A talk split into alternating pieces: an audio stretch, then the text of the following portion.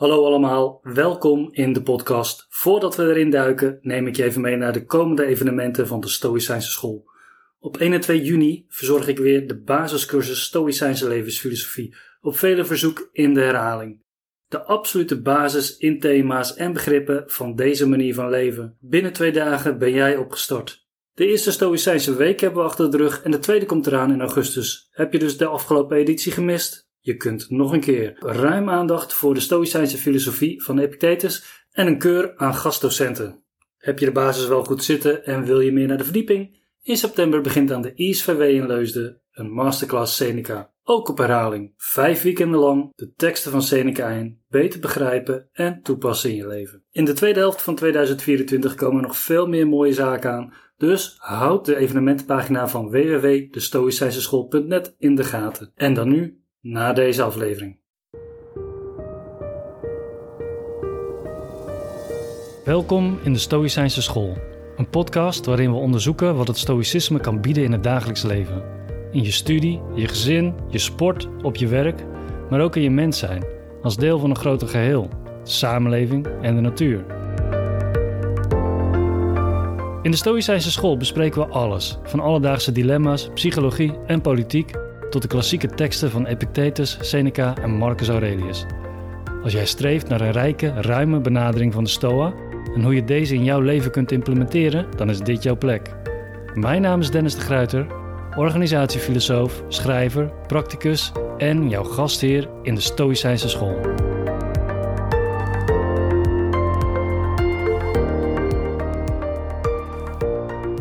Veel mensen komen in aanraking met de Stoïcijnse filosofie via de boekjes van Mark Tuitert, Drive en Flow. In Drive ligt voornamelijk aan de hand van zijn eigen leven uit wat de Stoïcijnse principes zijn en hoe hij ze toepast in zijn leven. Er staan ook allerlei oefeningen in waarbij je die Stoïcijnse mindset bij jezelf kan ontwikkelen. Flow is grotendeels uh, hetzelfde terrein, alleen dan toegepast op het leven van andere mensen die hij spreekt. Het geinige van Marx boekjes is dat ze laagdrempelig zijn. Ze spreken veel mensen aan. En de metaforen uit sport en business zijn voor de meeste Nederlanders ook heel erg herkenbaar. En als mensen aan mij vragen wat een goed boekje is om snel iets te weten te komen over Stoïcijnse filosofie, dan raad ik ook meestal Drive aan. Ook al zou ik zeggen dat niet alles wat erin staat echt Stoïcijns is.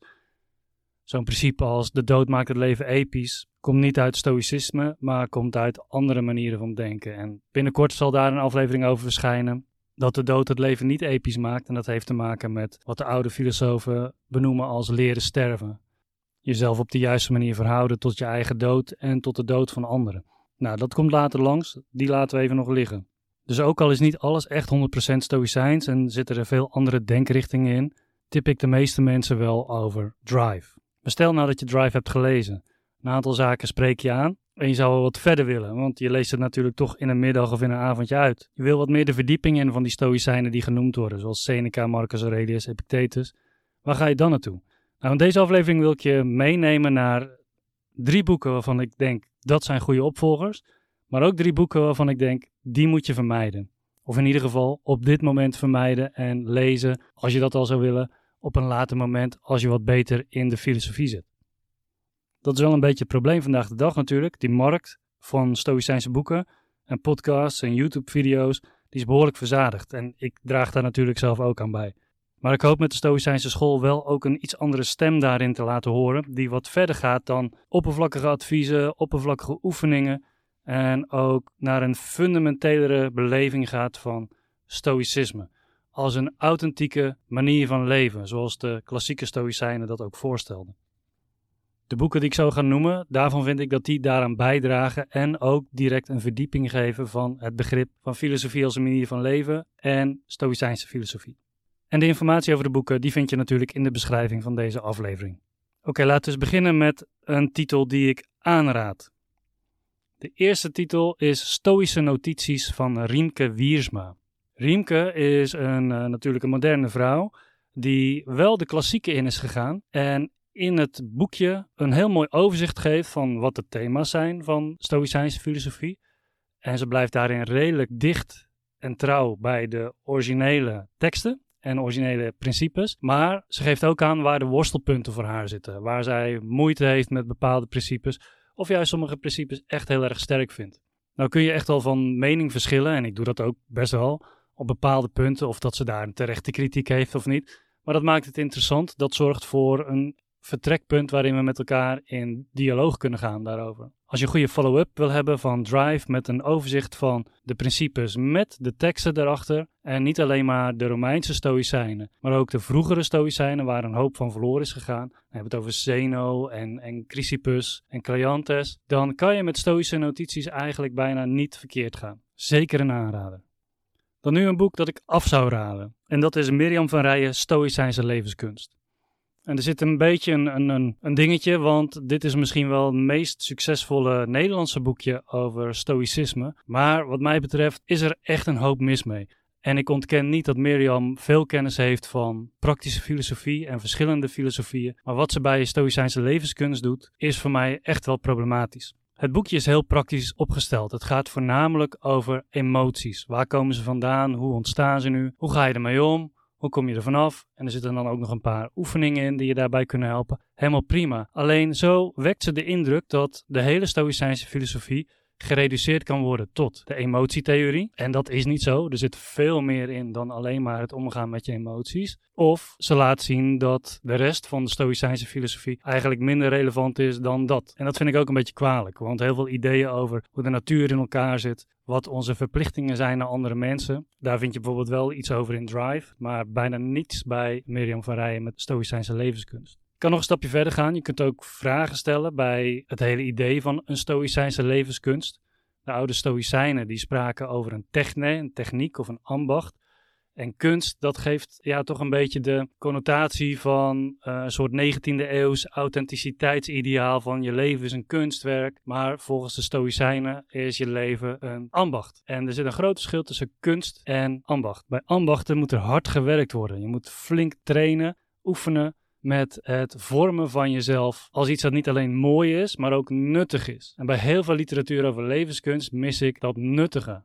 En dit bedoel ik ook niet vervelend, maar je ziet hier ook al een beetje een soort van klassenverschil in zitten. De meeste mensen die ik hoor over levenskunst zitten toch vaak een beetje in de hoogopgeleide, ja, wat, wat meer uh, begenadigde klassen zou je kunnen zeggen. Terwijl als je het hebt over een leven als ambacht, een levensambacht, dan denk ik al heel snel aan Socrates die zijn dagen voornamelijk doorbracht met ambachtslieden op de Agora, omdat hij zich daar het meest mee verwant voelde, omdat dat ook het beeld was wat hij zag. Een goed gelukt leven is als het ware zoals een goed gelukte schoen. Die heeft een bepaald doel, heeft een bepaald nut, maar heeft ook een bepaalde goedheid van zichzelf, een kwaliteit wat het verschil is tussen een goede schoen en geen goede schoen. Dat zijn misschien een paar kleine punten, maar waar het echt misgaat bij Stoïcijnse levenskunst, is dat Mirjam dus de Stoïcijnse levenskunst reduceert tot die emotiemanagement. En dan vervolgens allerlei filosofische scholen eraan koppelt, die helemaal niks met Stoïcisme te maken hebben. Die schaart ze allemaal bijeen onder Stoïcijnse levenskunst. Bijvoorbeeld het epicurisme. Die hebben ook een bepaalde theorie over hoe emoties werken en hoe je daarvan af kunt komen.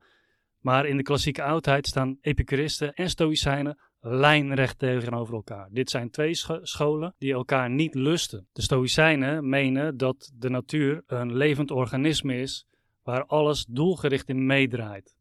De Epicuristen zeggen daarentegen dat de werkelijkheid niets meer is dan een willekeurig, toevallig bijeengeraapt zootje atomen waar geen doelgerichtheid in zit. Die twee kunnen niet met elkaar samengaan, maar in Stoïcijnse levenskunst is dat wel zo. Als we epicurisme onder het stoïcisme scharen, omdat ze allebei bepaalde ideeën hebben over emoties, waarom dan niet de sceptici en de cynici? Maar die worden niet meegenomen. Maar die zijn net zo hard bezig met het disciplineren van de emoties. Maar zij doen dat ook weer vanuit hun eigen wereldbeeld.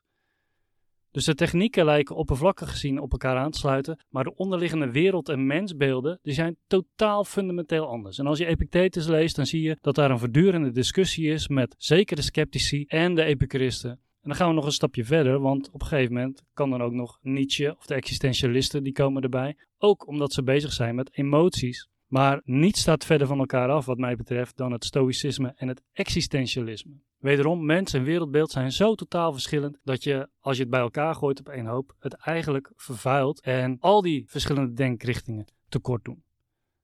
Nou is er nog een belangrijk punt, en hier is Mirjam goed in uh, gestudeerd, dat is het Spinozisme. Maar ook het Spinozisme is totaal anders dan Stoïcisme. Ik heb in 2022 een lezing gegeven waarin ik aangeef dat stoïcijnen en spinozisten totaal verschillende dieren zijn. En dat begin je te zien op het moment dat je verder gaat dan alleen maar het emotionele vlak. Ik geef er ook een uitleg hoe dat zo is ontstaan dat Spinozisten en Stoïcijnen wel bijeen werden geveegd, maar dat dat onterecht is. En daar zal ik ook in de toekomst een aflevering aan wijden. Dus, een van mijn afraders, Stoïcijnse levenskunst van Mirjam van Rijen. Dan een boek dat ik wel weer aanraad.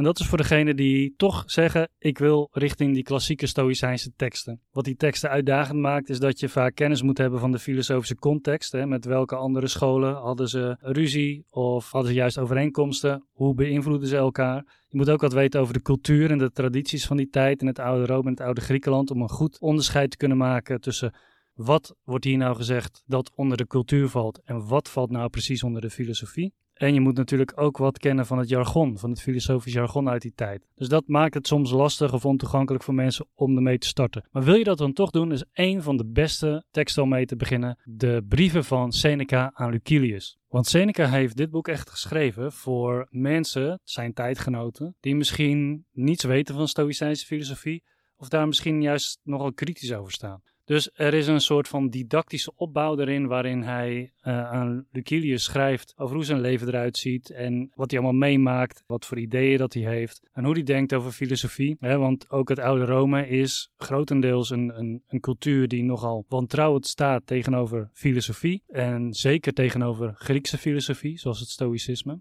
Vaak hebben wij het idee dat al die oude Romeinen en Grieken filosofen waren, maar dat is altijd toch een minderheid geweest die met filosofie bezig is geweest. En naarmate Seneca verder komt in zijn brieven gaat hij steeds meer de principes van het stoïcisme in en ook hoe er gedacht wordt over status, rijkdom, de dood, tegenslag en altijd op een hele vriendschappelijke, open manier. Dit is dus ook een boek dat je kan blijven lezen. Als je hem hebt gelezen kun je gewoon weer terug naar het begin en telkens zit er een soort van verdieping in. Hier zie je ook hoe ongelooflijk een meesterlijke stylist Seneca is. Want veel van zijn andere teksten die zijn soms een beetje ontoegankelijk of wereldvreemd bijna voor ons, omdat het zo'n ander wereldbeeld is. Maar de brieven die had je gewoon in je e-mailbox kunnen krijgen. Eén punt wat ik hier aan toe wil voegen, zorg dat je de complete brieven hebt. Er zijn heel veel bloemlezingen van de brieven van Seneca, dan wordt er in de brieven zelf ook geknipt. En er worden heel veel brieven tussenuit gehaald. En juist dat moet je zien te vermijden. Want heel veel van die brieven, en dat wordt vaak een beetje over het hoofd gezien, die haken in elkaar. Ik noem maar wat, in brief 16 wordt iemand genoemd, daar is iets mee aan de hand. In brief 36 komt die persoon weer terug, maar dan binnen een andere context. En in brief 80 komt die persoon nog een keer terug. En als je die brieven dan achter elkaar leest, dan zie je dat daar ook een bepaalde didactische opbouw in zit. En je mist heel veel als je alleen maar naar de bloemlezingen gaat. Dus complete editie van Seneca's brieven, zeker aan te raden. Het loont de moeite. Dan nu weer een boek dat ik af zou raden. Dit zou ik vermijden. En dat is ook een boekje uit de oudheid. En dat is het zakboekje van Epictetus, of de Enchiridion. Waarom kun je die beter vermijden? In ieder geval aan het begin, als je net met Drive klaar bent. Nou, het ding is dat de teksten van Epictetus niet van hemzelf zijn. Hè? Het zijn college-dictaten die door een van zijn studenten werden opgeschreven. Het zakboekje is een samenvatting van die college-dictaten. En dat is ook echt bedoeld voor degenen die al met Stoïcijnse filosofie bekend zijn en daarin trainen, om af en toe op terug te grijpen, echt het ter hand te hebben, in je zak te hebben, zodat je weer even een aantal principes voor de geest kan halen of een aantal situaties voor de geest kan halen. Maar wat het zakboekje kenmerkt, is dat er bijna geen argumenten worden gegeven. Alleen de stellingen of de claims worden gegeven. En dat kan voor iemand die er niet op voorbereid is best wel confronterend zijn. Het punt is dat de argumenten om deze positie in te nemen niet worden meegenomen in het zakboekje. Dus het gaat niet over hoe stilistisch mooi het allemaal is genoemd. Het is puur de samenvatting van de samenvatting. En als je niet een samenvatting hebt die je zelf hebt geschreven, dan is het heel lastig om daarmee te werken. Of als je een samenvatting krijgt van een tekst die je niet kent in het algemeen, dan is het ook heel lastig om je binnen te oriënteren waar deze schrijver het nu precies over heeft. Dus, zakboekje van Epictetus, niks mis mee van zichzelf, maar niet te vroeg mee beginnen. En je ziet dat heel goed in de meest recente editie van het verzameld werk van Epictetus, Vrij en Onkwetsbaar, waarin het zakboekje terecht helemaal aan het eind van het boek wordt gepubliceerd en niet aan het begin. Het derde en laatste boek dat ik zou aanraden is geen Stoïcijnse filosofie, maar Socratische filosofie. En dat is ook niet zo gek, want heel veel Stoïcijnen laten zich direct beïnvloeden en inspireren door het denken van Socrates. Sterker nog, sommige Stoïcijnen die noemden zichzelf Socratici. en niet zozeer stoïcijnen. Nou, hoe dat ook zij, dit boek heet Socrates' Way en het is door Ronald Gross geschreven. Het is al een oudje, uh, maar nog steeds goed uh, te krijgen. Volgens mij nooit in het Nederlands vertaald alleen maar in het Engels uitgebracht. Maar in ongeveer tien hoofdstukken neemt Ronald Gross je mee in het denken van Socrates. Hoe dacht hij, waarom dacht hij zo en ontzettend veel oefeningen om zelf ook zo te leren denken. Op een Socratisch-filosofische manier. En dat gaat veel verder dan de meeste oefeningetjes die je vaak tegenkomt in populaire Stoa-boekjes. Hier gaat het echt veel fundamenteler op je zelfgericht en ook langdurige opdrachten, waar je langere tijd mee bezig bent, waar je regelmatig op zult moeten inchecken. Wat ook mooi is, is dat Ronald Gross een, een overzicht maakt van moderne mensen die in de voetsporen van Socrates lopen. Echte exempla zijn het voor mensen die met filosofie aan de slag willen zodat je ook de tools krijgt om zelf te gaan kijken welke voorbeelden of rolmodellen jij kunt vinden die aansluiten bij jouw filosofische idealen. Of die nou van Socrates komen of van de Stoïcijnen. Mijn exemplaar van Socrates Way is heel veel gebruikt. Ik heb het in mijn onderwijs gebruikt. Voor mezelf. Erin gestreept en geplakt. En ik weet zeker dat als jij ook zo'n editie hebt, dat dat vanzelf ook zal gaan gebeuren. Socrates' Way van Ronald Gross. Dan het laatste boek wat ik zou afraden. Nou, eigenlijk is dat geen boek, maar eerder een auteur. De boek over het stoïcisme van Massimo Pigliucci. En daarmee bedoel ik geen disrespect naar Pigliucci zelf. Hij is een van de pilaren van de Modern Stoicism organisatie. Samen met Donald Robertson heeft hij natuurlijk behoorlijk wat dingen georganiseerd.